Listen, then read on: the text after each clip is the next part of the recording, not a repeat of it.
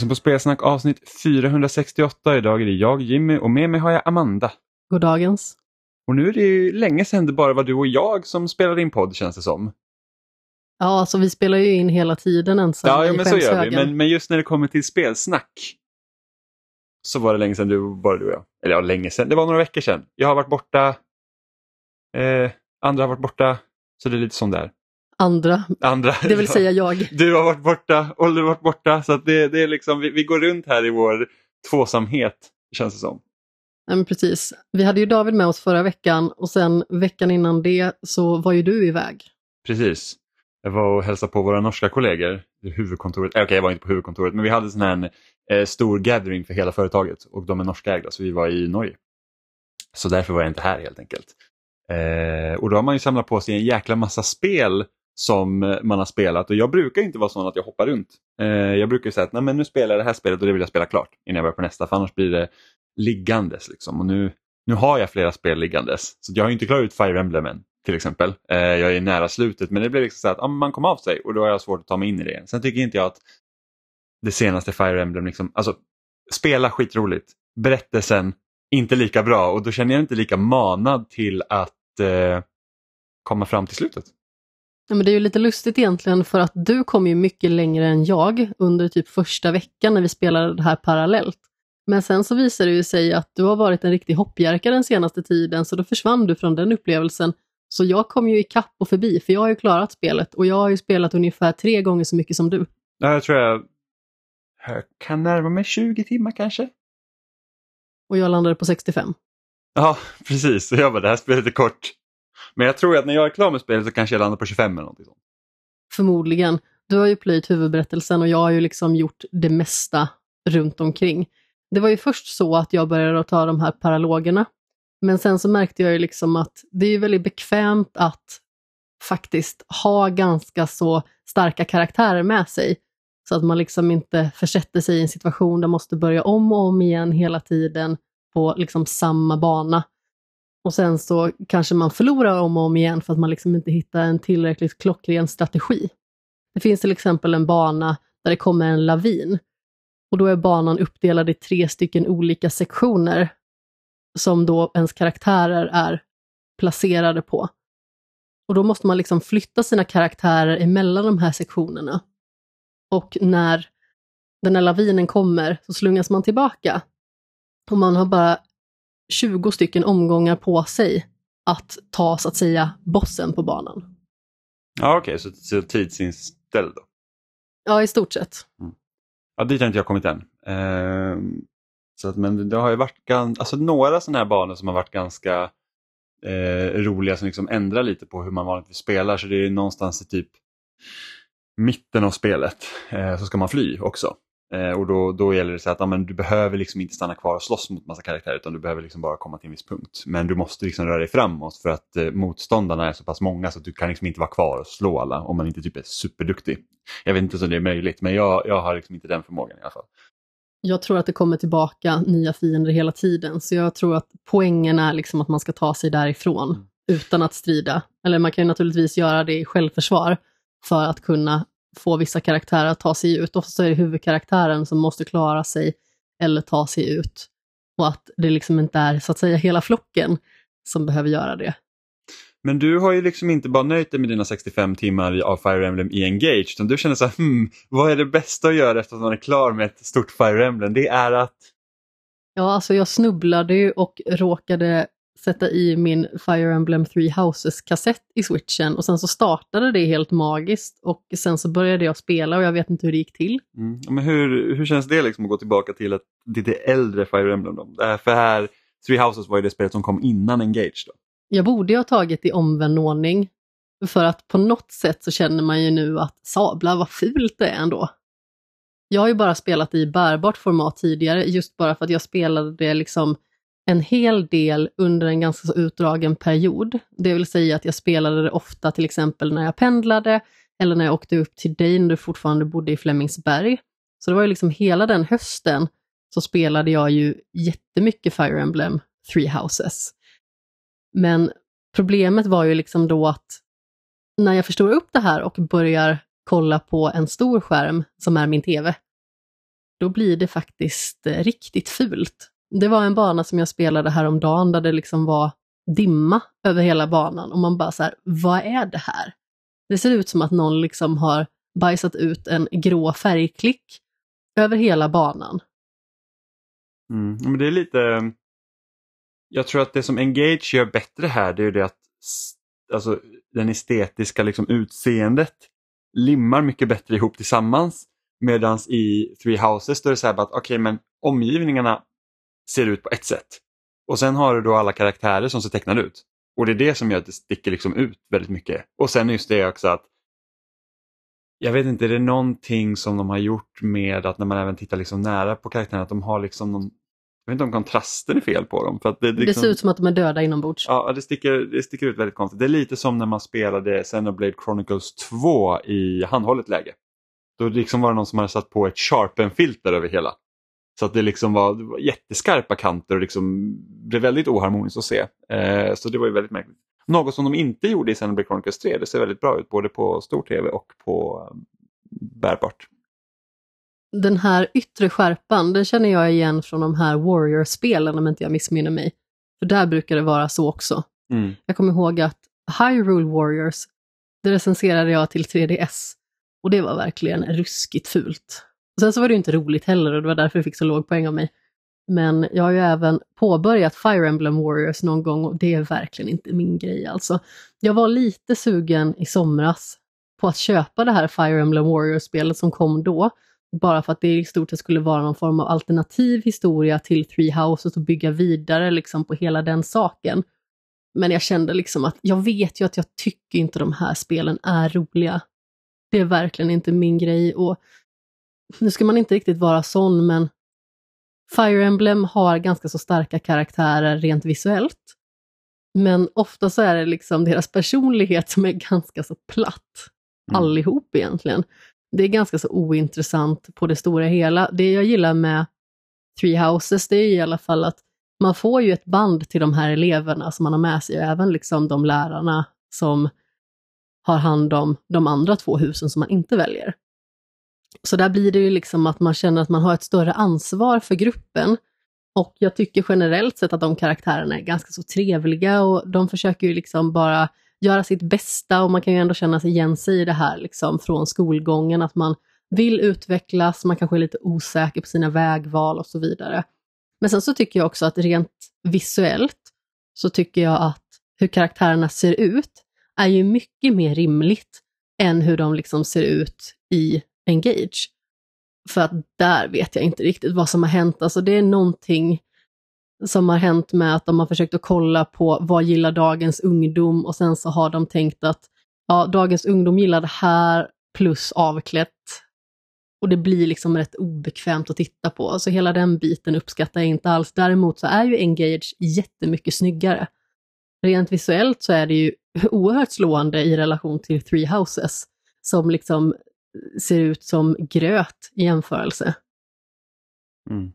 Men nu när du är inne i den här Fire Emblem-svängen, du är inte sugen då på att skaffa expansion pass till Nintendo Switch Online för att spela det GBA-spelet som kom till eh, Nintendo Switch då? Inte i nuläget kanske.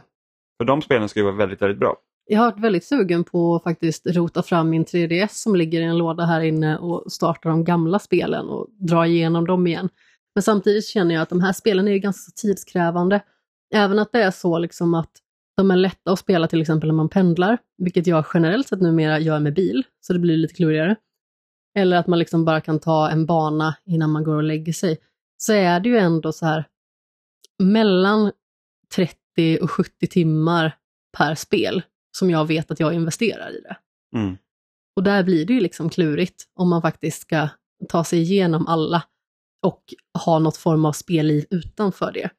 Så jag känner ju att det var ju ett ganska korkat val av mig att ta mig in i Three Houses igen, för jag vet ju liksom att när jag är sugen på Fire Emblem, då är jag sugen på Fire Emblem. Och då är det liksom det som gäller. Och jag har ju spelat lite andra spel naturligtvis, bara nosat på eller tagit små munsbitar av. Men jag tycker ju liksom att det är så himla roligt med de här striderna de är otroligt beroendeframkallande för mig. Jag vet inte riktigt vad det är för ådra som väcks egentligen, men jag kan liksom inte riktigt låta bli. Sen så är ju Three Houses, precis som jag nämnde för några veckor sedan när jag pratade med Adam och Oliver. Three Houses är ju på något sätt så mycket mer fylligt. Det finns mer att göra och i och med att man liksom är på en väldigt specifik plats hela tiden så blir det liksom att man får en större koppling till den. Visst, det finns ju en samlingsplats i Engage också och man kan skapa lite relationer och sådär, vilket jag inte gjorde direkt. Eh, jag känner mig som en väldigt mörk och kall person som inte gjorde det. Tänker att man kan få lite liggeria i det spelet också vad det verkar. Men eh, jag känner ändå liksom i Three Houses att det blir den här täta känslan. Den här liksom skolmiljön där man liksom successivt börjar känna alla, man börjar veta vad man har dem. Man vet vilka som är mer självständiga, man vet vilka som behöver uppmuntran. Sen så måste man liksom para ihop olika karaktärer för att göra olika typer av uppgifter. Man instruerar olika typer av lektioner. Alltså det är ju någonting som sätter en tydligare prägel på det. Som jag gillade väldigt mycket och som jag gärna vill se mer av i framtiden. För om de liksom lyckas med att få det att se lite bättre ut, så som det är i Engage, och sen få liksom till den här känslan som ändå Three Houses har, alltså det kan ju bli magiskt. Alltså jag tycker fortfarande att Three Houses är det bästa spelet, just på grund av att det är en så himla mer komplett upplevelse än många andra Fire Emblem-spel, för att de har varit jätteroliga och det har funnits stundtals intressanta karaktärer och delar av berättelser som man liksom har varit sugen på att ta till sig men inte alls på samma nivå. Tycker inte jag. I alla fall så kände jag att det här väckte någonting mer i mig. Och det är väldigt mysigt att gå tillbaka till Three Houses, även att det är rätt så fult när man kollar på det liksom nu, nästan fyra år senare. Mm. Jag har ju också liksom nosat i lite äldre spel eh, under veckan. Så jag, de släppte ju en uppdaterad version av City Skylines Eh, eller City Skyline Remastered som det så eh, tjusigt heter. Eh, och, och, och Cities är ett sånt spel, liksom, alltså det, det är ju en eh, uh, City Builder så att har du spelat SimCity så ja, chansen är väl stor att, att tycker man om den här typen av spel så har man redan spelat Cities också för att det börjar faktiskt bli rätt så gammalt. Jag tror det kom ut 2015. Eh, och jag tänkte fan det kan ju vara lite nice att liksom spela lite mer eh, simulatorspel nu eh, när eh, när det ändå kommer en ny version av Cities. Eh, och då passade jag på att köpa lite expansioner och sånt. Så att jag har inte jag har liksom bara spelat grundpaketet egentligen eh, tidigare. Eh, och det är liksom precis lika roligt som vanligt. Eh, men när man liksom lägger till de här nya delarna också som jag inte har spelat med tidigare så är det liksom lite extra roligt. Så att jag köpte den här eh, naturkatastrofer som är en expansion så det gör att det liksom kan bli jordbävningar och bränder och stormar och tornados och grejer. Så att, liksom att man, för att jag tycker Cities är ett ganska lätt spel liksom att bara komma igång och få en stad att rulla. Liksom det är inte så här, jag tror jag aldrig varit nära konkurs. Liksom. Det, det, Medan typ när jag spelade SimCity 4 tror jag var, då var det verkligen så att vid ett tillfälle så jag fick inte min stad växa. Det var ingen som ville flytta dit. Visst är det väl ändå ett Paradox-spel? Eh, Paradox utgivare. Ah, jag okay. tror att de de köpte upp studion efter att Cities hade släppt, har jag för mig. Ja, ja men då förstår jag. För jag blev så himla överraskad när du sa att det var lätt att komma in i, för vi pratade lite om det här om dagen bara du och jag när vi satt i soffan. Och jag känner ju liksom att Paradox-spel generellt sett brukar ju vara liksom så jäkla utmanande och tröskeln att komma in är liksom jättehög, så man får liksom sträcka upp händerna, ställa sig på tå och sen dra sig upp ja, långsamt. Verkligen, man måste säga att nu, nu, måste jag verkligen vara inne i ett modus där jag kan sitta i menyer. Ja, ja men precis. Och eh, jag har ju även laddat ner det här spelet och är jättesugen. Det var ju både du och den gode Stefan som uppmanade mig att köpa det för kanske något år sedan eller någonting sånt, men jag har ju inte rört det än. Och sen så kom ju remastern och då laddade jag ner liksom den versionen som fanns till Playstation 5. Och grejen är ju att jag är jättesugen och jag vill ha det lite som du. Att man har det liksom som ett sidospel som man liksom bara kan gå in och pula i när man känner att okej, okay, nu spelar jag det här actionorienterade spelet och nu vill jag ha någonting som är lite mer lugnt och harmoniskt och trivsamt och liksom skapa ordning och reda i tillvaron. Problemet är ju att jag är dum i huvudet. Och jag är ganska så säker på att det här kommer ju äta upp min tid och jag kommer inte spela något annat. Så jag är lite rädd. Mm, men alltså det är, alltså jag har ju redan typ spelat sju timmar av det här och jag började i fredags tror jag. Nej, torsdags tror jag började på det, lite smått. Jag tror att du började på det när jag skulle iväg och instruera klasser. Mm. Eh, och det är liksom bara tiden bara försvinner iväg. Och sen nu är det ju så att i den här versionen då så kan man ju bygga städerna mycket större. Så jag har ju spelat Xbox One-versionen tidigare. Jag tror man kunde typ ha nio olika plattor liksom att bygga på. Att man börjar på en liksom fyrkant och sen så kan man köpa liksom nytt område för att utvidga det. Och, då, och jag är liksom jag har ju typ maximerat den kartan verkligen. Alltså jag kan liksom inte bygga mer. Då måste jag börja bygga om och liksom så ändra specialiseringar och sånt. Och det, det är visst, det är också kul. Det är liksom en utmaning i sig att känna att fan min stad är inte hållbar på det här liksom stället längre utan jag måste bygga om och det betyder mindre skatteintäkter och, och, och, och liksom att folk blir missnöjda ett tag. Eh, men nu kan man ha tror jag, 25 plattor eller någonting sånt. Oj. Eh, staden kan i alla fall vara mer än dubbelt så stor. Eh, och så att liksom, det finns ingen brist där men, men det finns så många det finns så många funktioner som jag inte liksom har rört riktigt än så att, som kanske kräver lite mer, alltså större områden så att man liksom kan bygga runt det. Så att till exempel det är liksom bara så här, transportmedel finns det massa nya grejer som inte jag sett tidigare. Det finns här, ja, men linbanor, det finns monorails, eh, man har ändrat om lite hur det fungerar med typ eh, bussar tror jag. Sånt. För jag köpte även den här Mass Transit, Mass Transit, Mass Transit expansionen. Eh, så man får lite fler, för det är en stor grej i Cities, det är liksom att dirigera om trafiken. Och så att liksom säga att okej okay, men alltså du kan inte ha det blir liksom problem för typ ambulanspersonal och sånt att komma runt om, om det liksom är stopp över allting. Så det är liksom det lite man får hålla på och bolla med. Så att, att, och liksom sätta upp nya linjer och sånt för, för liksom tåg och tunnelbana och allt sånt. Så det är lite sånt som är roligt att pula med. Men just nu så försöker jag att mitt mål just nu är att köpa upp plattor så att jag kan eh, få lite dit eh, båttrafik och få in turister. För det, jag har ett helt turistområde som jag byggde upp innan jag ens, att folk kan typ inte komma till min stad så att det är liksom så här, oh, dumt av mig men det är så där. Eh, och då kan man bygga kanaler i, i spelet, det har man inte kunnat tidigare heller. Vilket gjorde att jag eh, översvämmade typ halva min stad vid ett tillfälle så jag fick liksom ladda om en gammal sparfil. Jag var så här, nej det här tänker inte jag tillåta. det, liksom, det här var för dåligt. Eh, men sen var det också ganska kul, första liksom ja, men första naturkatastrofen jag eh, kom till var, liksom, det var jordbävning och det blir liksom en hel spricka i kartan liksom, så att man kan se att det har liksom varit en jordbävning vilket jag tycker var ganska häftigt.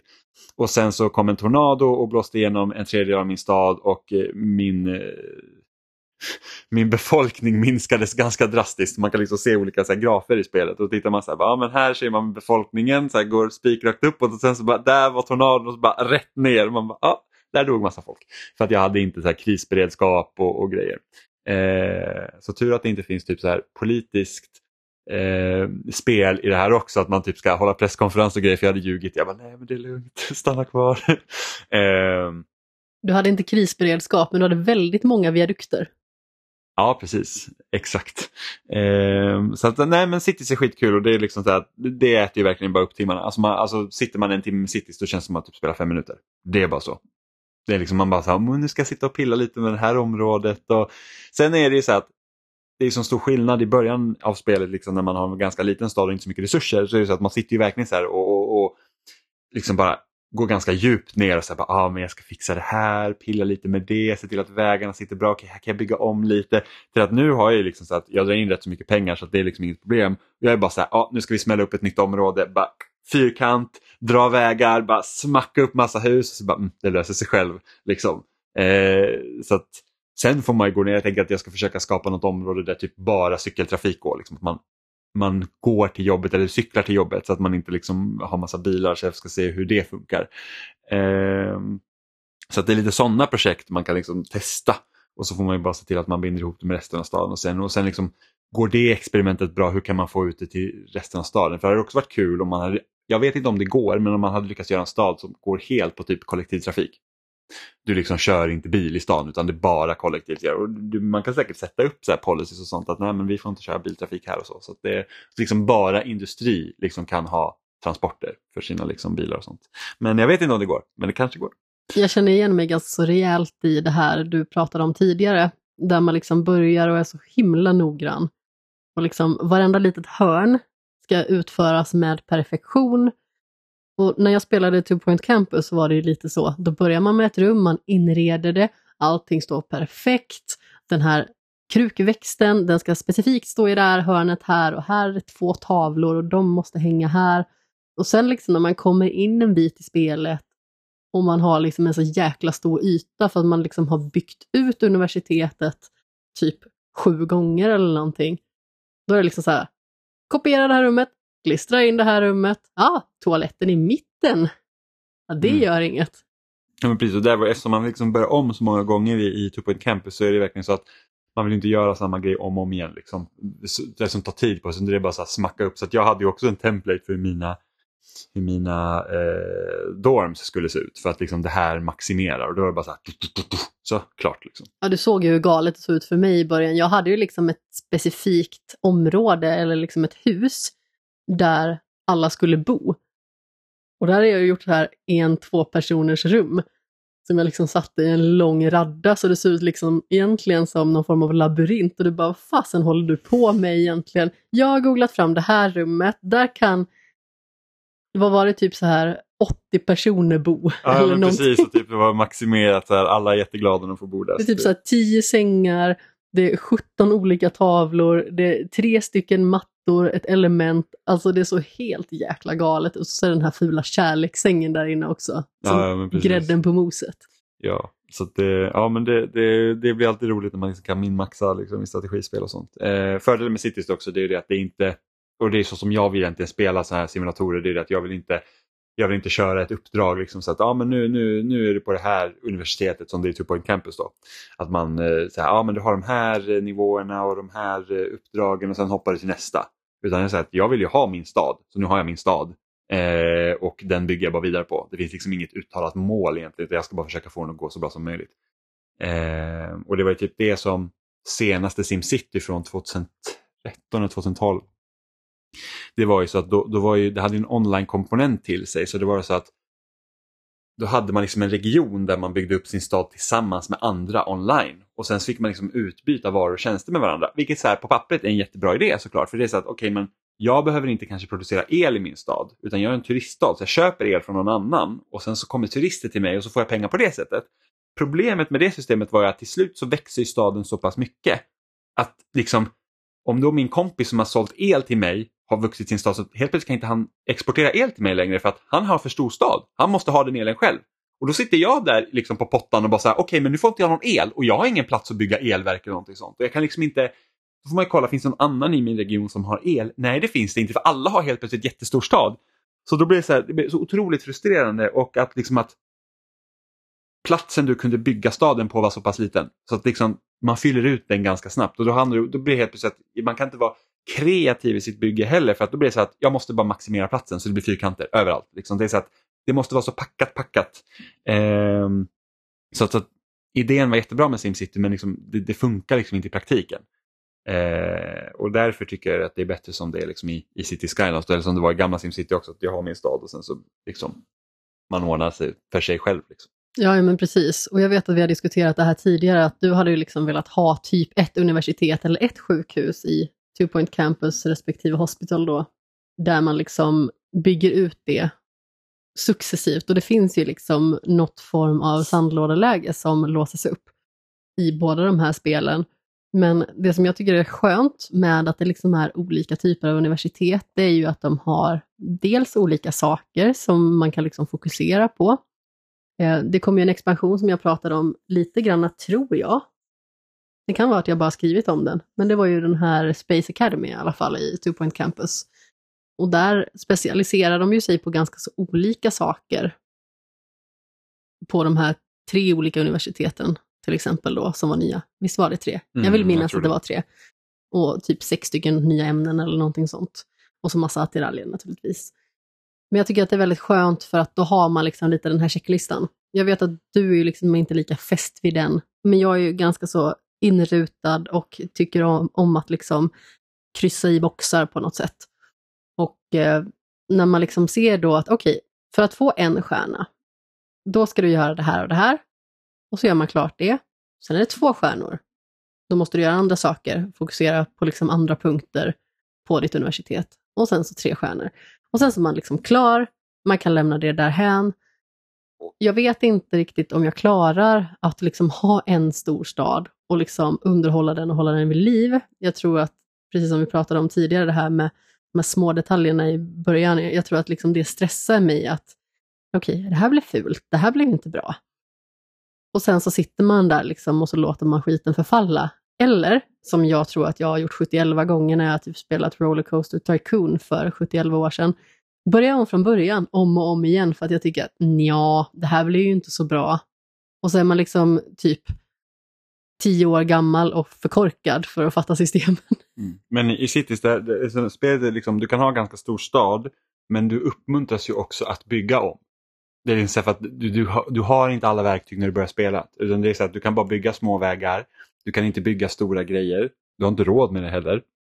Du måste liksom komma en viss Alltså du låser upp nya liksom, grejer genom att få en större befolkning. Så där liksom ligger milstolparna egentligen. Och sen så kan du ju liksom säga att ja, men, det finns ju större mål också. Typ så här, men du kan bygga en, eh, en eh, hiss till rymden. Liksom. En space elevator. Men du måste bygga vissa byggnader innan du kommer dit. Och för att låsa upp de byggnaderna så har de vissa eh, mål du måste komma upp i. Så att det finns där om man vill. Men du kan också bara totalt ignorera det.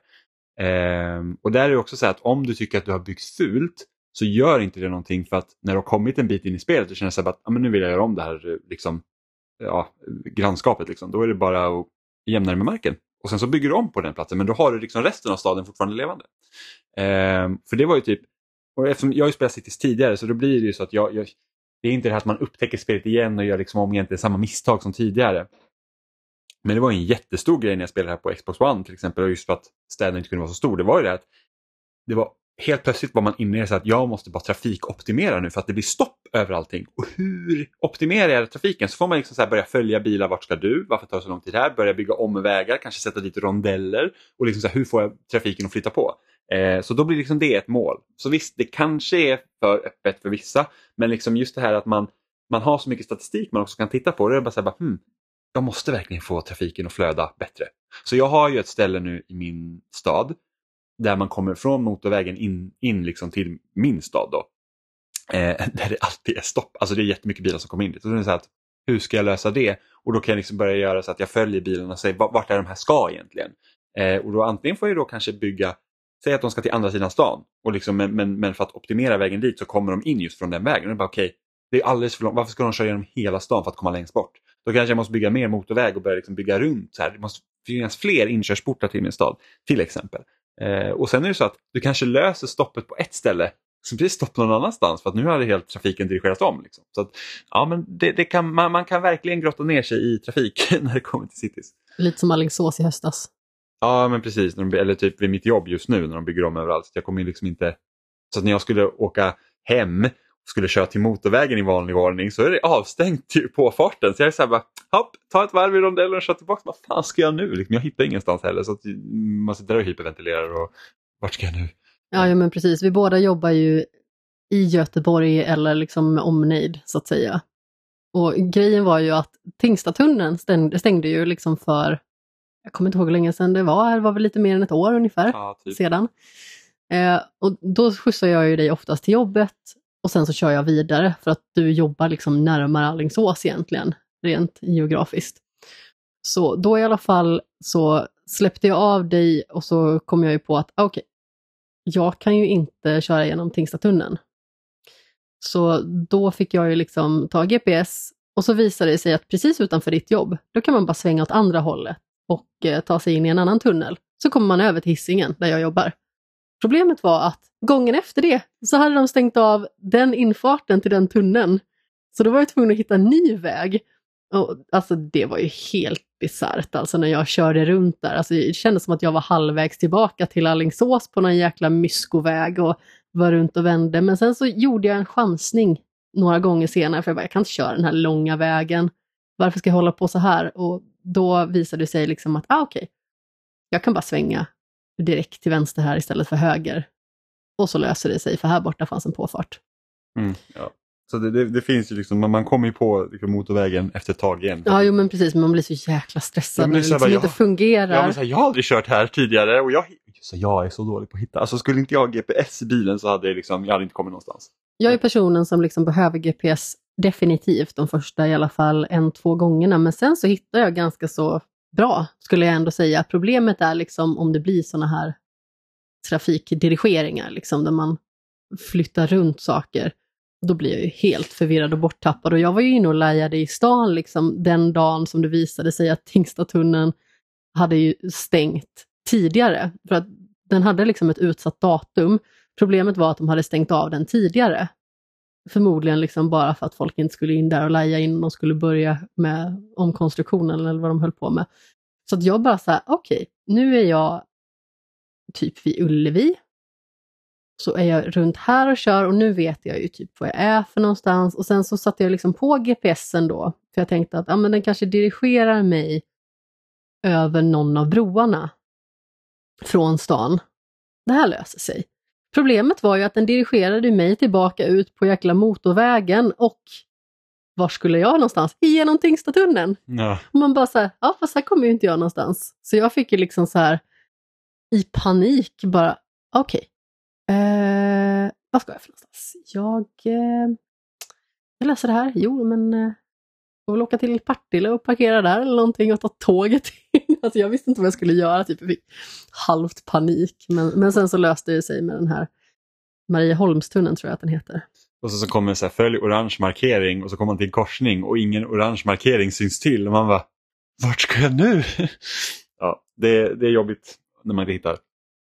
Eh, men Cities är skitbra verkligen och eh, har man inte spelat det tidigare och tycker om liksom simulatorspel så bara spela det. Liksom. Det, det är så jäkla roligt. Eh, verkligen. Jag lovar att jag ska. Nu är det i alla fall nedladdat. Ja, men precis. Det, det, är ungefär som jag brukar göra. Jag har typ fyra eller fem spel från Game Pass som jag har laddat ner så jag tänker det här ska jag spela och eh, ja, nu är de bara där.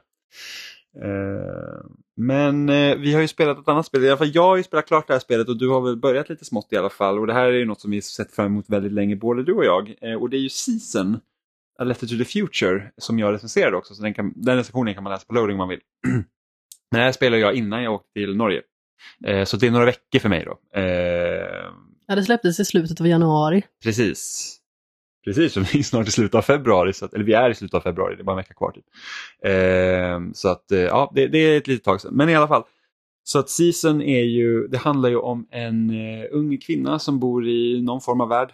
Eh, och uh, rätt som det är så liksom går världen under så att säga. Alltså folk vet inte riktigt varför. Men liksom det är så att en era går över till en annan som de beskriver så och det är liksom vid det här bytet så sker liksom en jag vet inte om man kan säga det är katastrofal händelse men det är liksom någonting händer som förändrar liksom världen för evigt. Det är liksom så här, det, det, det, är liksom, det är inte bara så att, oh, men, typ solen gick ner och så bara fine, utan det är liksom verkligen så att Solen gick ner, ja, typ, nu blir det inget mer. Här, det händer verkligen någonting och, eh, och det är liksom så att ditt, din uppgift egentligen blir att, att eh, skriva ner så mycket som möjligt av hur världen ser ut just nu innan den faktiskt går under.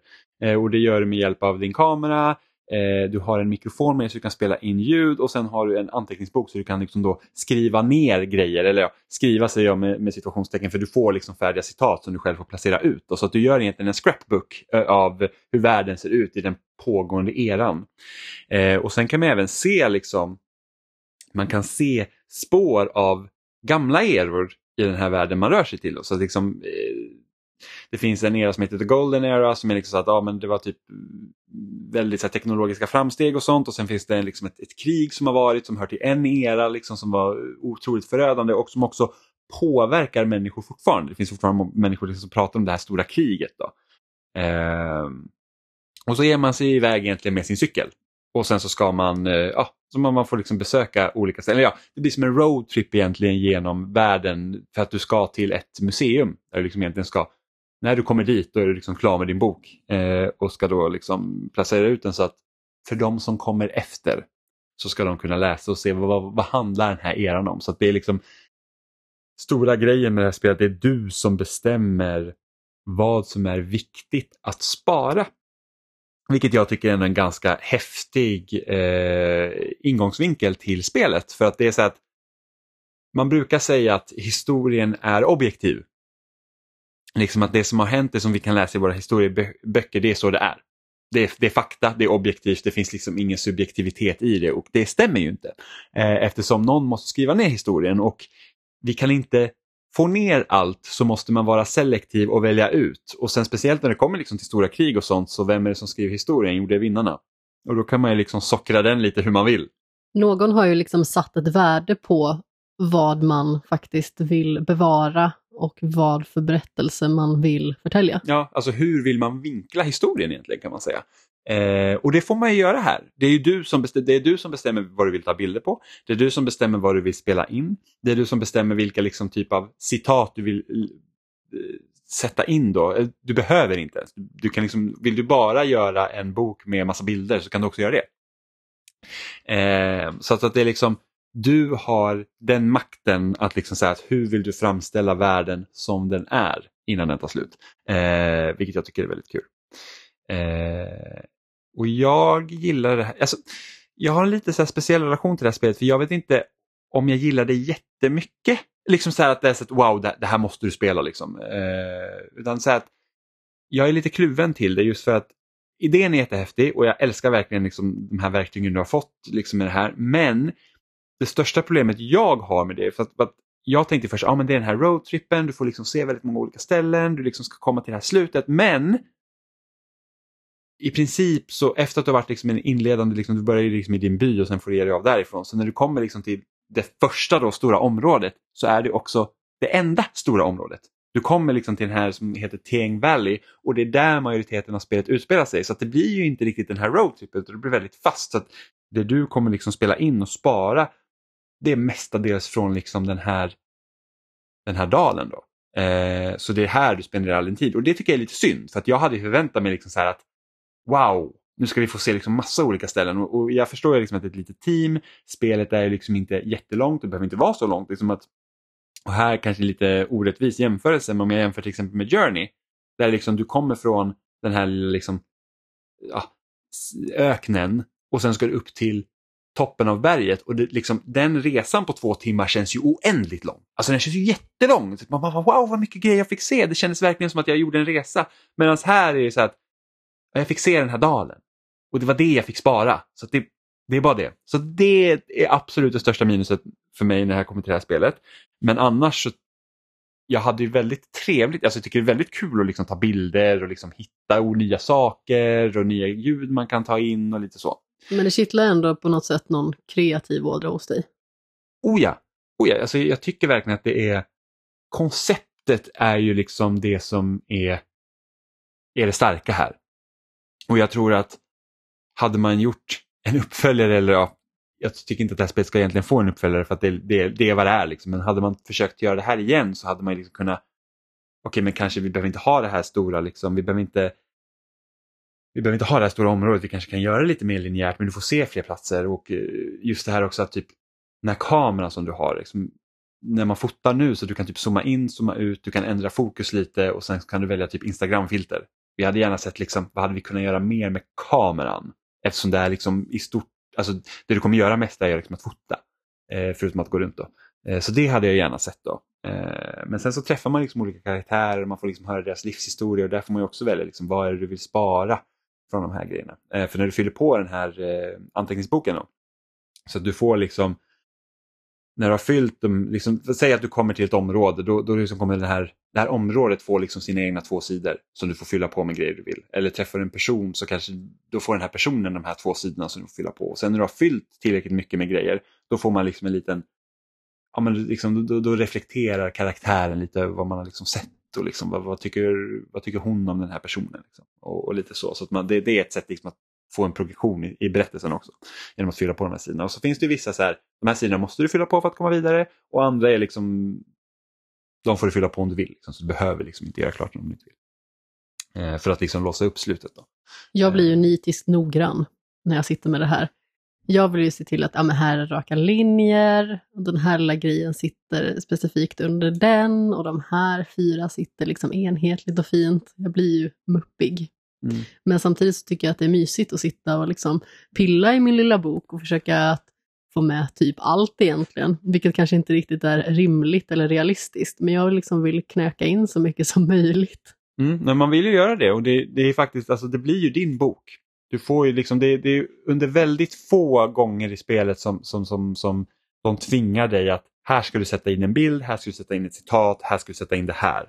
För att det liksom hör någon form av berättelse. Men i majoriteten av sidorna så bestämmer du helt själv hur du vill liksom, vad, vad du vill sätta in och hur du vill sätta in det. Eh, så det gör det också att det blir väldigt personligt. Och sen så också att, för det får man ju tänka sig själv när man liksom spelar då, alltså man träffar olika karaktärer och, och liksom ska fylla i deras sidor. Och då blir det så att, vad tycker jag är viktigast av vad den här eh, karaktären har sagt till mig? Liksom, vad vill jag föra vidare? Liksom, så att, och då, då, jag försöker liksom tänka något större helhetsperspektiv. Okay, vad, vad, säger det liksom om den eran vi bor i av det jag fått veta? För jag har inte levt i eran så att säga. Jag har ju fått en väldigt liten inblick i, i, i, i hur det är och det är det jag lär mig om egentligen. Men liksom också att, okej okay, vad säger det om den här personen? Vad säger det om världen i stort? Och hur kan jag förmedla det? Det var lite så jag tänkte liksom när jag ville lägga in grejer. Så, så träffar man till exempel mamma och hennes son och hon var liksom väldigt ledsen för hon har förlorat sin make. Eh, och då är det så att, okej okay, men hur kan jag hur kan jag porträttera det i boken så att liksom läser man det här så förstår man. Och då försökte man liksom säga, okej okay, men vilka citat säger någonting om henne? Hur, vad tror jag hennes sinnesstämning är? Så det, det, det är liksom en ganska rolig mental övning egentligen, tycker jag. Absolut.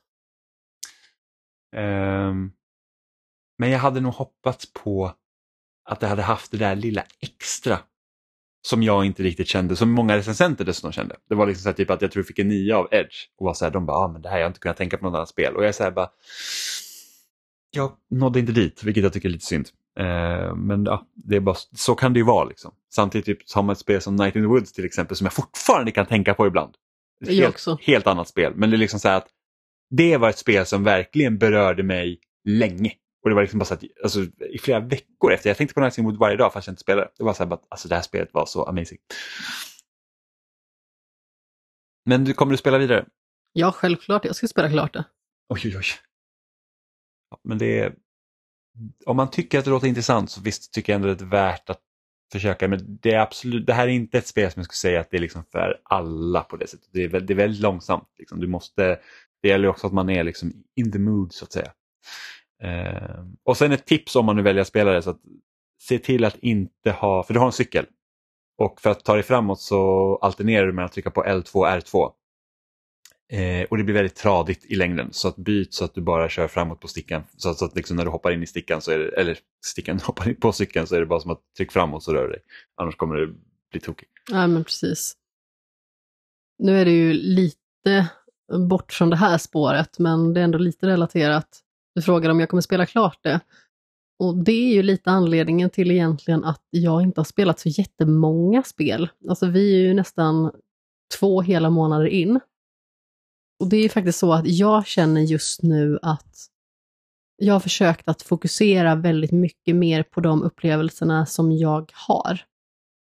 För att jag kan känna ibland liksom att jag blir väldigt kluven på det sättet att jag har mycket att ta mig an. Och så kanske man har många upplevelser igång på en och samma gång.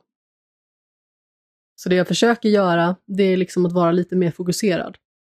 Jag vet att det är liksom typ ett nyårslöfte ungefär som jag har haft de senaste åren, liksom att spela klart det du påbörjar. Och eh, nu har jag verkligen försökt lite mer att fokusera på det, för att jag började ju nosa lite på season precis när eh, alltså det kom egentligen, eller kort därefter. Och så kände jag bara att men jag är liksom så inne i Fire Emblem Engage nu. Så det känns inte rättvist mot det här spelet att jag ska börja det och sen så kanske saker liksom inte riktigt blir klart. Det känns som att man liksom måste jaga slut sedan i flera spel på en och samma gång. Så att man liksom måste bocka av de här spelen på någon form av lista och då känner jag att då är det bättre att man kanske har ett spel som man fokuserar på och sen om man liksom har ett spel som man kan alternera med, alltså nu startade jag upp några matcher i Fall Guys igår till exempel. Det funkar ju också. Men eh, ja, alltså jag försöker bli bättre på det här. För att jag tror att rent sinnesmässigt så känns det nog bättre. Alltså jag vill ju gärna vara aktuell och det är ju liksom ett ständigt problem. Att vara aktuell, att vara med i tugget, att se till liksom att man hela tiden har någonting att säga om det nyaste. Men samtidigt så vet jag ju att jag mår kanske inte jättebra av att ha massa saker liggande som egentligen bygger upp den här skämshögen som vi har pratat om ganska många gånger och som egentligen utgör min andra podd. Mm. Och jag har ju hoppat väldigt mycket mer än vad jag brukar göra. Men det är bara för att jag har fått sådana massiva spel. Alltså typ till exempel i höstas så recenserade jag Persona 5 Royal. Nu har jag ju spelat originalet. Så att jag liksom hade koll på Persona 5. Men så bestämde jag mig över jullovet, eller lovet, eller julledigheten, att jag skulle spela klart det. Och det var ju liksom så här, det var ju 50 timmar. Jag behövde spela ytterligare mot de 40 jag redan hade spelat. Eh, och sen så fick jag recensera Persona 4. Vilket också är ett spel jag spelat tidigare. Och det är också liksom typ 30-40 timmar in och det vill jag också bli klar med men det är så att jag kan inte sitta och bara köra det nu liksom när det kommer massa annat som jag också behöver ha, ha mig uppdaterad i och sen så ja, men man, man får recensionsexemplar och man måste hoppa liksom in på det. Eh, så då blir det så att jag har hoppat runt lite mer än vad jag brukar göra. Ja, men du vet ju också hur jag hade det sent på hösten. Jag hade två recensionsexemplar liksom på varandra. Gotham Knights och sen eh, Mario plus Rabbids. Och då blev det liksom att vi påbörjade båda under helgen och sen så plöjde vi Gotham Knights. För att det var liksom ett spel som jag faktiskt fick.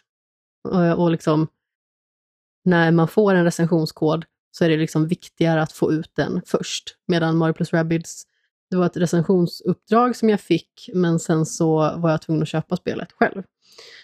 Um, och jag borde egentligen inte skriva en text då om jag inte vill, men sen så var jag liksom så himla pepp på att skriva om det, så jag gjorde det i alla fall.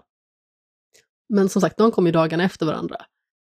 Och då var det liksom så här att, ja men Gotham Knights var inte så jättelångt. Det var så här 25 timmar eller någonting sånt som vi landade på, 23 kanske. Och sen så är det Mario plus Rabbids. Och där vet man ju liksom att där kommer man ju kränga kanske 50 timmar. Och sen så efter det så hade jag det här Tactics Ogre Reborn som är ett jättestort strategispel som jag förvisso inte klarade just för att det är så extremt svårt. Men då är det liksom ett stort spel till på det, ett spel som kan göras jättelångt. Och sen God of War Ragnarök på det ytterligare. Som liksom inte heller är ett litet nätt projekt att ta sig an. Och då blir det liksom så här att Mario plus Rabbids fick ligga lite i bakgrunden och så fick man ta det typ när man skulle gå på bandet eller så, så fick man verkligen zooma in på God of War Ragnarök då, i och med att det liksom var en så stor titel. Och ny stor titel framför allt. Och sen så blir det liksom att man fick pula vidare med Mario plus Rabbids lite i bakgrunden under en väldigt lång tid och det tog ju väldigt många veckor innan jag blev klar med det. Och sen så kom man liksom till en period där man äntligen bara kunde plöja på med det spelet och det är så himla härligt när man har den känslan. Och det är lite den känslan jag har haft med Engage också, att jag har spelat det jättemycket, men det har nästan varit det enda jag har spelat. Och det finns någonting väldigt fint i det, den här känslan bara av att det här är mitt spel nu. Och jag spelar det så länge jag vill tills jag är klar. Mm. Och jag vet liksom att det funkar inte alltid att göra så. Och den här veckan så kommer ju både Playstation VR och då också Horizon Call of the Mountain. Vilket vi inte kommer undvika, kan man ju lugnt säga. Ja, nej, nej, nej, precis. Vi har ju beställt ett VR-headset så det har skickats också på posten så det borde ju komma i lagom till release. Så det kommer vi i alla fall prata om nästa vecka. Positivt dock, det är ju att det är spel som vi kommer spela tillsammans. För att vi har ju bestämt oss för att bara köpa ett VR-headset. I och med att det känns liksom inte riktigt ekonomiskt försvarbart att vi ska ha två stycken. När det finns en titel som vi känner oss sugna på i nuläget. Någon gång ska vi spela många så VR, flera stycken. Alltså jag kommer Försöka- ju skita snett, jag kommer bli jätterädd. Försöka kränga. Alltså det är typ det är, det är det spelet jag absolut är mest pepp på egentligen och det är det spelet jag inte kommer kunna spela för att jag, jag vill inte spela med randoms i VR, det är obehagligt. Och sen så, men alltså man har typ sett trailer på us till VR och det är liksom verkligen så här, så det blir som ett skräckspel. Det blir liksom så här sjukt obehagligt. Så att någon gång om våra vänner blir alla ekonomiskt oberoende och känner så att mm, vi ska investera i VR för att spela Among us, då jävlar kommer jag vara där som en riktig förkämpe för det spelet. Klart det kommer. Ehm, men mitt största problem med, med eh, Playstation VR 2 nu det är det att det inte är bakåtkompatibelt. Det är väldigt det, synd. det är ju verkligen, alltså det är så, för det är så här att okej men det man investerar i det första VR-headsetet det är liksom så här att då är det bara borta. Liksom alltså, alltså, visst, jag har ju fortfarande kvar VR-headsetet, jag har en PS4 och det går att koppla in det till Playstation 5 också för jag har en sån dongel men det är fortfarande så här att alltså hallå, okej men, men sen om ni bestämmer er för att göra typ ett tredje VR-headset då, ska ni börja om från noll igen då? Eh, Det blir ju också liksom så himla fånigt för att vi vet ju att det finns flera titlar som kommer komma i någon form av ny version till det här nya headsetet. Ja, precis. Som typ Beat Saber. Ska vi då behöva köpa det igen? Jag tror att du får betala en liten uppgraderingsavgift. Ah, okej. Så att du behöver inte köpa hela fullspelet igen utan du kanske, ja men, säg att spelet kostar 400 spänn nytt och så kanske du bara behöver betala 100 spänn. Ja, men precis. Det är lite som den här uppgraderingen då, City Skylines, att Alltså den var gratis. man känner av att Ja. okej, du har det här spelet redan. Varsågodis, här Mm. får du uppgraderingen. Precis, så det är så att visst, Beat Saber är skitkul, det är synd att det inte finns här på launch. Eh, men jag hade typ gärna sett liksom så att för att nu har man ändå, alltså med första Playstation VR då var det typ så att ja, men det här är liksom, jag har aldrig haft ett VR-headset tidigare, jag hade inte spelat VR innan dess så det blir så, allt blir nytt så då blir liksom varje upplevelse var så här, oh wow, nu har vi liksom en, en allt blir som ett showcase vad man kan göra med VR. Eh, nu känner jag till VR och nu är det så att okej vi kommer köpa Horizon. Och det är typ det. Jag tror inte jag kommer köpa något annat spel än. Eh, men det hade varit kul liksom att säga att ah, men jag har inte spelat Iron Man VR till Playstation VR 1 och det, det har jag ju. Jag fick liksom en kod till det. Eh, och det hade varit kul liksom att ta upp så här men jag vill inte liksom börja packa upp det gamla VR-headsetet. Eller typ, jag hade gärna spelat typ Super Hypercube hade jag gärna velat spela igen och kanske på en skärm som inte gör så att allt ser så jävla suddigt och grisigt ut. Eh, så det, det är absolut största minus tycker jag att det är att de inte bara säger att okej men hur ska vi kunna fixa och porta de här spelen så att de funkar med det nya headsetet också. Liksom. Precis. Eh, även om jag förstår att teknologin och sånt är annorlunda men alltså, det är synd att de inte löste det. Sen så förmodligen nästa vecka blir det så kommer vi ha med en VR-entusiast som vi är väldigt glada att eh, få gästas av också. Så då kommer vi prata mer om VR och jag gissar att han kanske har en del eh, tips eller sånt som han liksom har eh, skådat på horisonten som han är sugen på också. Mm. Men jag har ju faktiskt, eh, jag håller på att recensionsspela ett spel just nu också. Eh, som heter Atomic Heart. Eh, som är typ det här, ja men det har vi egentligen fått mest uppmärksamhet kring att det ser väldigt mycket ut liksom som ett Bioshock-liknande spel. Då. Eh, du har liksom typ någon form av, ja men det är väl typ satt någon gång på 50-talet i Ryssland.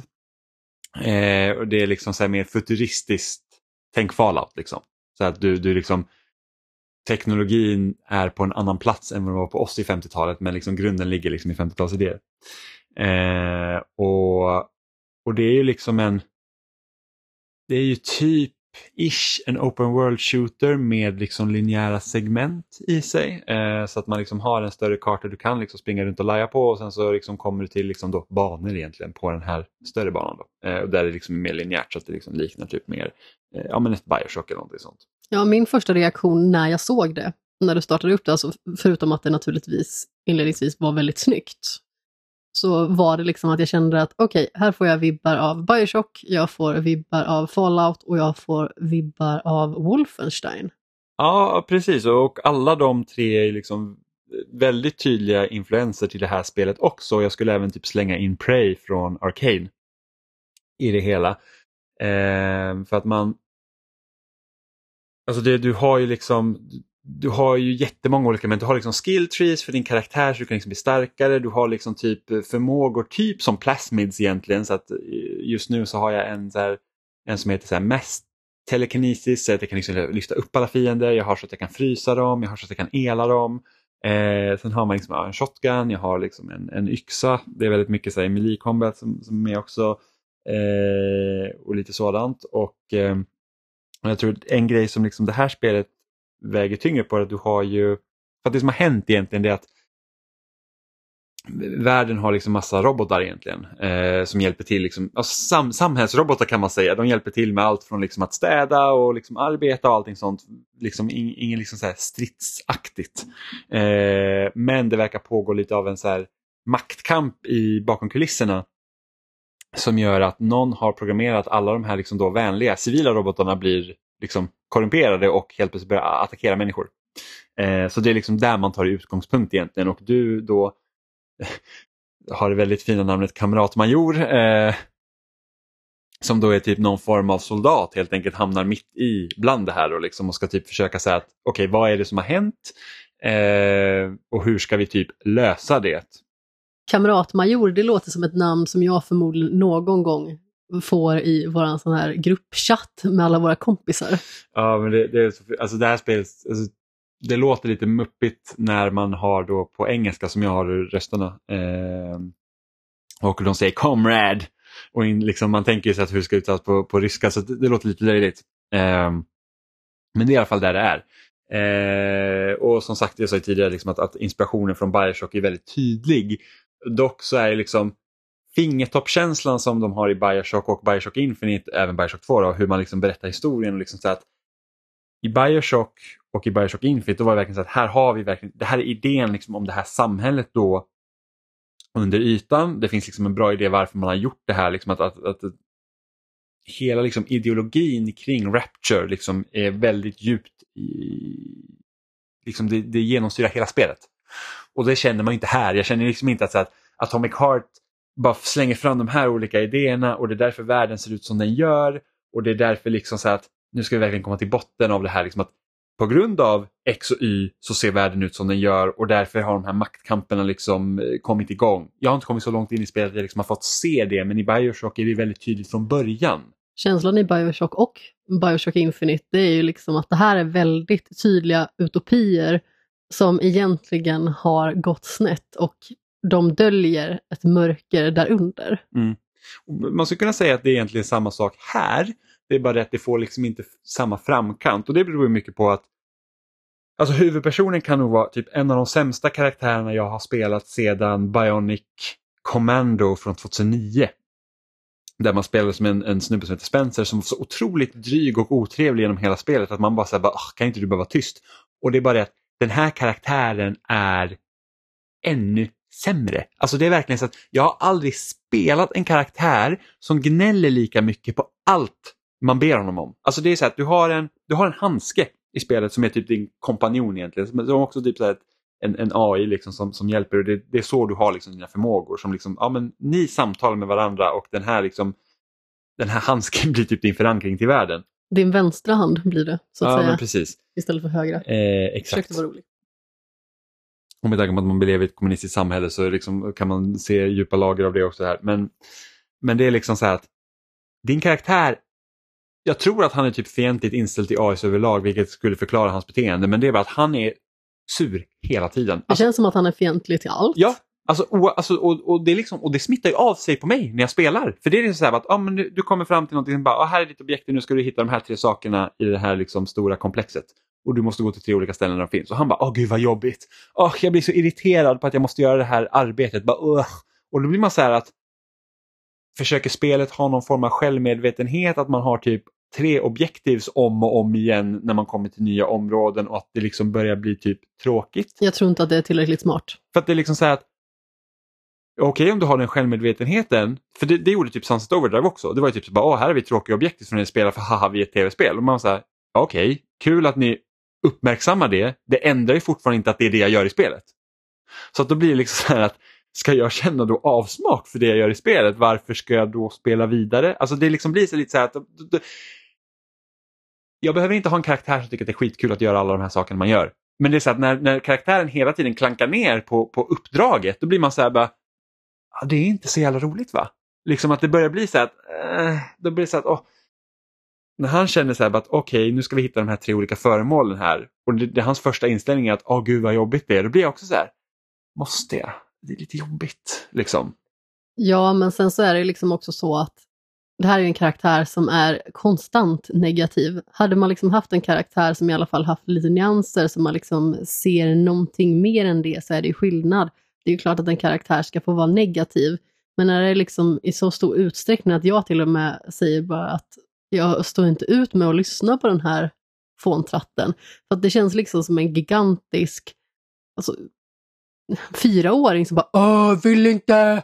Ja, men och så fort någon säger någonting till honom så är det liksom så här, ah, fy fan, ah, men gud, ah, ditt jävla as, vad håller du på med, varför, eh, varför ber du här om mig, åh gud vad jobbigt. Och man var så här, alltså håll bara tyst. Och det liksom blir som att hans dialog blir, det, det går liksom nästan stick i stäv mot resten av spelet för att det känns som att det här är en karaktär plockad typ från Borderlands.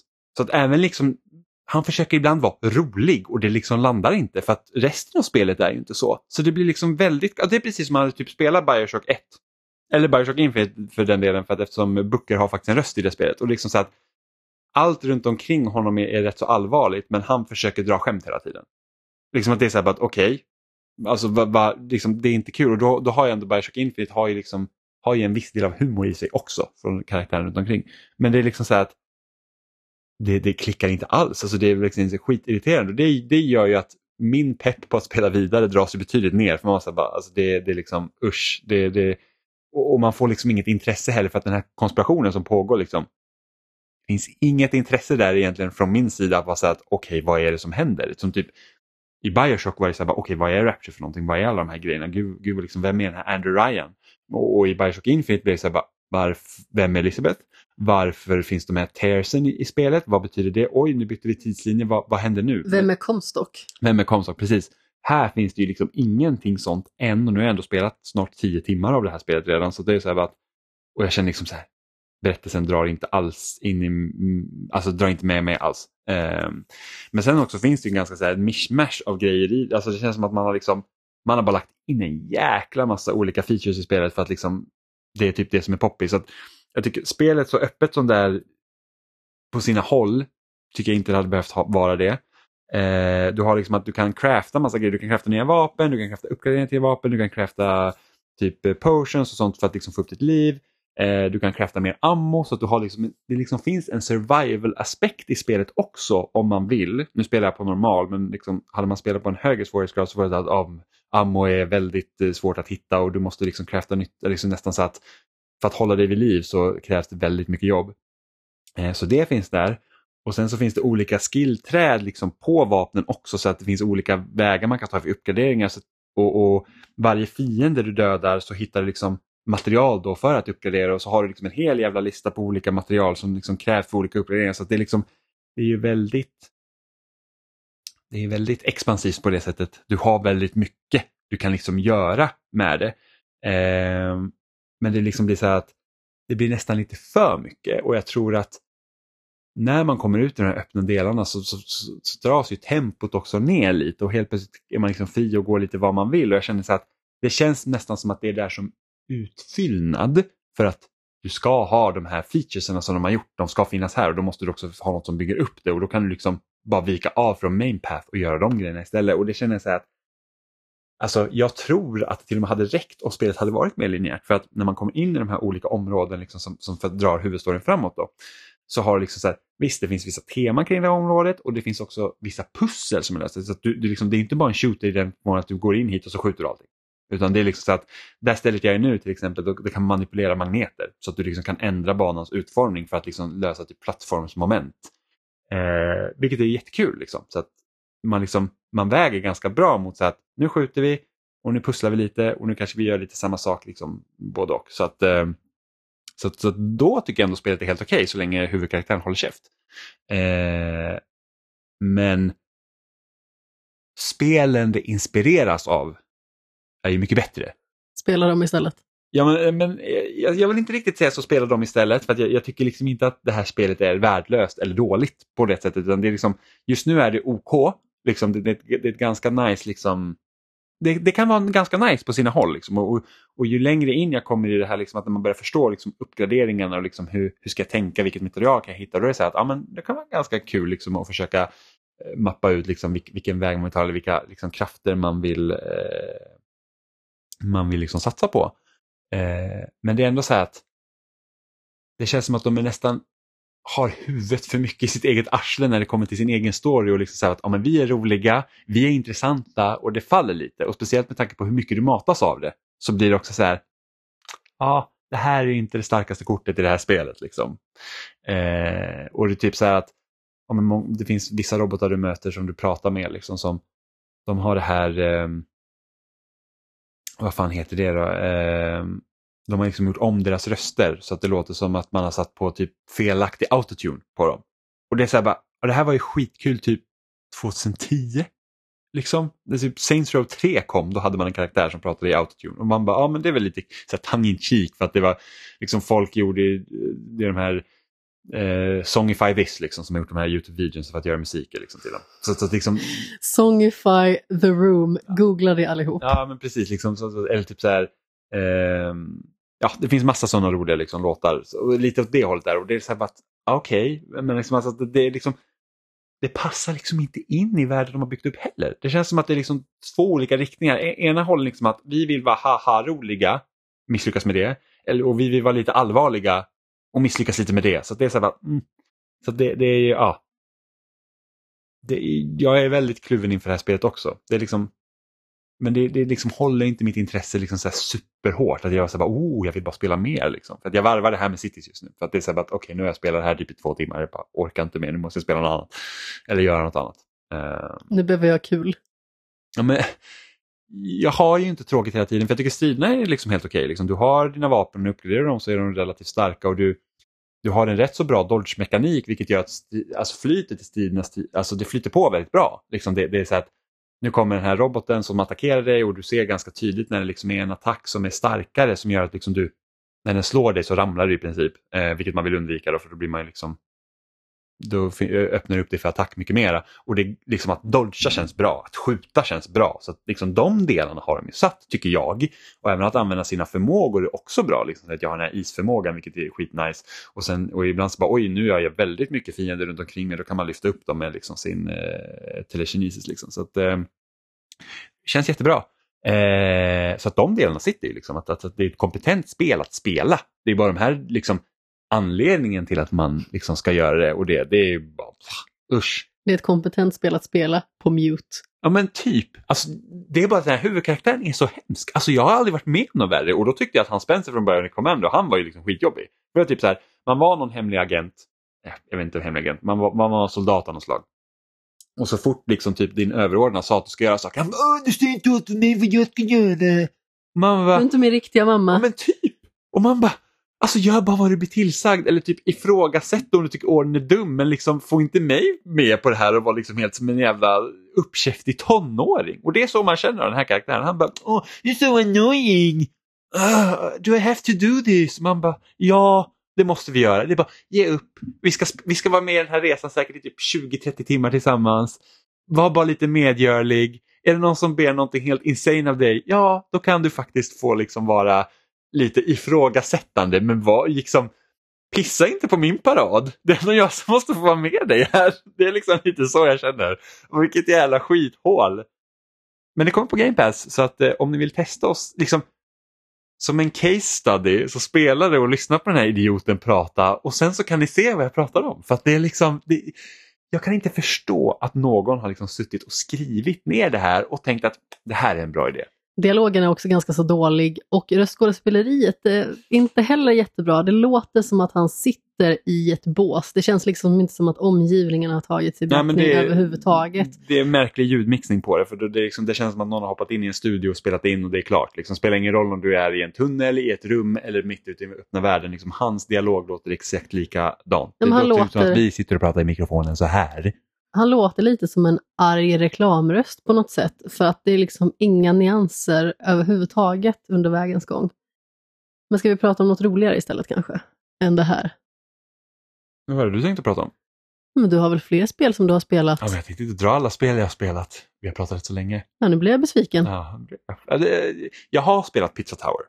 Men jag har inte spelat tillräckligt länge för att, eh, för att jag vill liksom prata om det. Så jag tänker att det kan man ta en, en annan gång. Kommer det komma på konsol? Vet ej. Mm. Jag tänker mig att det är så pass poppis att de, jag skulle ha väldigt svårt att se att de inte undersöker det. Jag håller tummarna. I och med att du har eh. sagt att det liksom är lite Super Meat Boy-känsla så mm. kliar det ju mina fingrar. Ja, mer Warriorland. Jag fick höra på förhand att det känns lika bra att styra som Super Meat Boy, vilket jag inte helt håller med om. Men gillar man Warriorland-spelen så absolut ska man kolla in Pizza Tower, för det är i princip Warriorland. Uh, men jag, jag kommer inte djupdyka mer i det nu. Men jag tänker lämna mer tips eh, faktiskt. För att det Double Fine släppte för en vecka sedan ish, eh, sin senaste dokumentär om utvecklingen av Psychonauts 2. Och även om man inte bryr sig om Psychonauts 2 så är det absolut en dokumentär värd att se. Eh, har man sett deras tidigare dokumentär som var Double Fine Adventure, alltså utvecklingen av Broken Age och gillar den, då ska man definitivt se den här. Har man inte sett eh, Double Fine Adventure, då ska man också gå och göra det. Det är en jättebra inblick i hur det är att ett, utveckla det spelet, att liksom använda sig av crowdfunding överlag, men också det, vad går in i att utveckla ett spel? För jag tror att det är många som inte vet det. Eh, och det är en väldigt bra inblick i hela studion för att det är, liksom, det är en väldigt intim dokumentär, för det är 32 delar. Så du får liksom jag tror Broken Age utvecklades typ mellan 2012 och 2015 tror jag och, och den dokumentären var liksom under samma liksom, eh, tidsperiod. Medan Psychonauts 2 ut, har, har varit i, alltså det här, den här dokumentären börjar nästan i princip där Broken Age-dokumentären slutar. Så att de går väldigt hand i hand. Liksom. Så att det här utspelar sig från 2015 till, ja nu när spelet släpptes 2021 tror jag Psychonauts 2 kom och jag vet inte hur, liksom, om det är någon liksom, eh, avsnitt liksom the aftermath om man säger så, för jag, har, jag är på del 8 av 32. Eh, men för mig som då kollar på Broken Age-dokumentären och gillar den väldigt, väldigt mycket. Jag gillar den till så mycket så att jag har liksom Blu-ray-utgåvan av dokumentären. Eh, då känns det lite som att ah, men jag checkar ju bara in mina kompisar som jag lärde känna i den dokumentären. Liksom. Eh, men liksom bara det att man får, man får en... Alltså, visst, det finns ju dokumentärer om Noclip och liksom Sony har gjort några dokumentärer som God of War och lite In the Game grejer. the Movie. Ja, Indie Game the Movie. Precis, det finns ju liksom dokumentärer om spelutveckling men ingen går in på djupet eller lika öppet som det här. Alltså det är verkligen liksom eh, svårigheterna, liksom, vad man lyckas med, varför det blir som det blir, vad beror det på? Alltså det, det, är, eh, det är en makalös dokumentär som egentligen borde ses av alla om man är intresserad av spel överlag. Men eh, alltså se den bara, den är så himla bra. Jag kan dock rekommendera typ Noclip, för det är ju ganska så lättillgängliga dokumentärer och jag såg ju tror att det var senast, nu är det ganska länge sedan, men eh, Transistor. När jag skulle gästa Nytt Spel Plus med David som var här förra veckan. Då pratade vi om det spelet och det är väldigt lärorikt att faktiskt se hur vissa delar i processen går till och varför man gör vissa vägval och vad det innebär liksom för slutprodukten. Så det är väldigt bra ifall man är intresserad av spel att kolla på de här olika punkterna, för det är väldigt lätt även för en själv liksom att sitta och spy galla när det gäller vissa saker. Men det finns ofta en väldigt bra förklaring. Och sen så fick jag ju det här tipset också att eh, lyssna på den här HBO-podcasten då om The Last of Us-serien. Alltså det ger sånt otroligt trevligt mervärde verkligen att få lära sig mer om varför tänker man på vissa sätt, hur adapterar man kanske då i det här fallet en, eh, ett spel till en serie. Och hur funkar liksom de här tankarna i den här kontexten och behöver vi göra någonting annorlunda? Hur gör vi för att fylla ut det här? Alltså det är superintressant om man är sugen på att höra liksom mer om den kreativa visionen och liksom alla tankar och sådant som eh, pågår i bakgrunden. Det är verkligen jättefascinerande, tycker jag.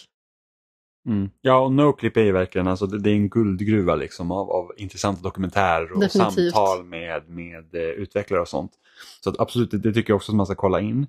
Um, men det, och, och jag lyssnar ju på Noclips podcast också så att jag hörde dem prata om den här eh, dokumentären dessutom och de sa ju liksom det att eftersom Two Player Production som eh, produktionsbolaget som heter då ägs av Double Fine så att det är liksom, allt kommer inifrån så man verkligen kunde varit med i processen hela tiden. Liksom, ha en insyn. Och sen så får man alltid vara medveten om att visst, det är också ett narrativ som ska berättas och det är en, liksom, så att vi vet ju inte vad som klipps bort och vad som, vad som liksom får stanna kvar och så men Double Fine är väldigt öppna här. Eh, och det är liksom, jag vet att många förvånades det när God of War-dokumentären kom ut för det som släpptes 2018 var ju det att oj, de liksom tog med alltså, vissa grejer som var väldigt liksom som storföretag ofta inte pratar om fick vara med i den dokumentären.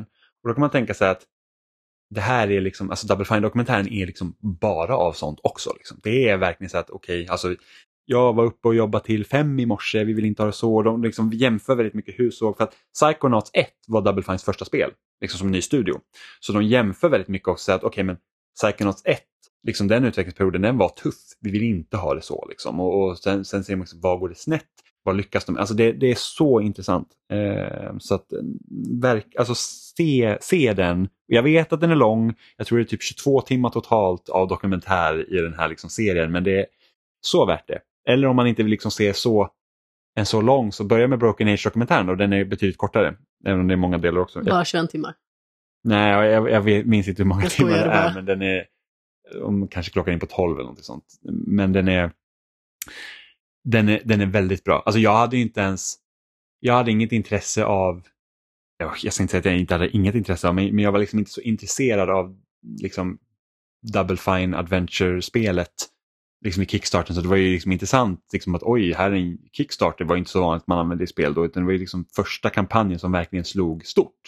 Eh, och efter det så började det komma jättemycket spel på Kickstarter. Eh, så jag var ju mer intresserad i, i det ändamålet. Och sen gillar jag ju Double Fine. Jag, jag tycker att deras spel är helt fantastiska men just så här, peka-klicka-spel kanske inte liksom så här min favoritgenre till exempel, även om jag har spelat många sådana spel också. Men jag såg den dokumentären innan jag hade spelat Broken Age. Och det fick mig att vara mycket mer intresserad av det spelet. Eh, men du behöver liksom inte vara intresserad av Broken Age för att se den dokumentären, precis som att du behöver inte vara intresserad av Psychonauts 2 för att se den här dokumentären heller. Men det är en så otroligt bra insyn i, i spelutveckling. Och det liksom kan ju säkert tillämpas på många, många andra eh, liksom studios också. Men det här är problem med finansiering, vad går pengarna till, hur liksom, ja, allt det. Och sen så, det är inte bara Psychonauts 2 som ut, utvecklas under den här tidsperioden utan det är även VR-spelet Rumbles of Ruins, eh, Headlander gör en, liksom får man se lite av, inte så att nu hur gör vi Headlander utan det är så att det pågår också i studion under samma gång. Eh, så att eh, se den är min är veckans rekommendation. Om ni inte vill spela någon av de spelen som vi har pratat om så se Psych Odyssey på Youtube. Ska jag nämna, den finns där helt gratis. Eh, samma sak med Broken Age. Dokumentär. Ja, och jag tror att det var allt vi hade för den här veckan. Vi, vi verkligen, den här en timme och kvarten vi har spelat in har vi verkligen fullpackat med intryck. Ja men verkligen, det känner jag också. Ja, jag känner så att usch, jag behöver smörja kråset lite. Jag ska äta lite nudlar och sen skriva text. Mm. Jag ska spela vidare min, eh, i min ryska utopi. Ja, jag, jag har ju en stark elitseriehelg så jag rapporterade ju från damernas elitserie igår och kommer även göra så idag. Så det är bara att sätta sig och eh, knäcka fingrarna och köra igång. Mm, bowling det vill säga. Jajamän. Yes. Eh, men ni hittar oss som vanligt på spelsnack.com och där finns också alla länkar där vi finns som på Facebook, Youtube, Spotify, RSS-flöden. Vi läggs upp på loading.se varje vecka. Eh, ni kan också mejla till oss på kontaktetspelsnack.com eller byta ut kontakt mot några av våra förnamn spelsnack.com om ni har funderingar, frågor eller åsikter om vad vi ska prata om, vad vi pratar om. Eh, kommentera på lögn.se, Instagram, tweeta till oss på Twitter, det kan man också göra. Eh, jag ser att ni, det, ofta får vi kommentarer på Instagram vilket är väldigt kul. Eh, så att eh, vi, vi, även om vi kanske inte är så aktiva och svarar på alla kommentarer så vi ser och vi hör er så det är alltid väldigt eh, trivsamt. Vi ser ju att ni lyssnar. Vi har ju siffror. Eh, men annars så hör vi igen, hör vi igen, vi hörs igen nästa vecka på onsdag och då kommer vi prata om Playstation VR 2 förhoppningsvis eh, med eh, medföljande gäst som är VR-expert. Eh, så säger vi hej då! Puss i!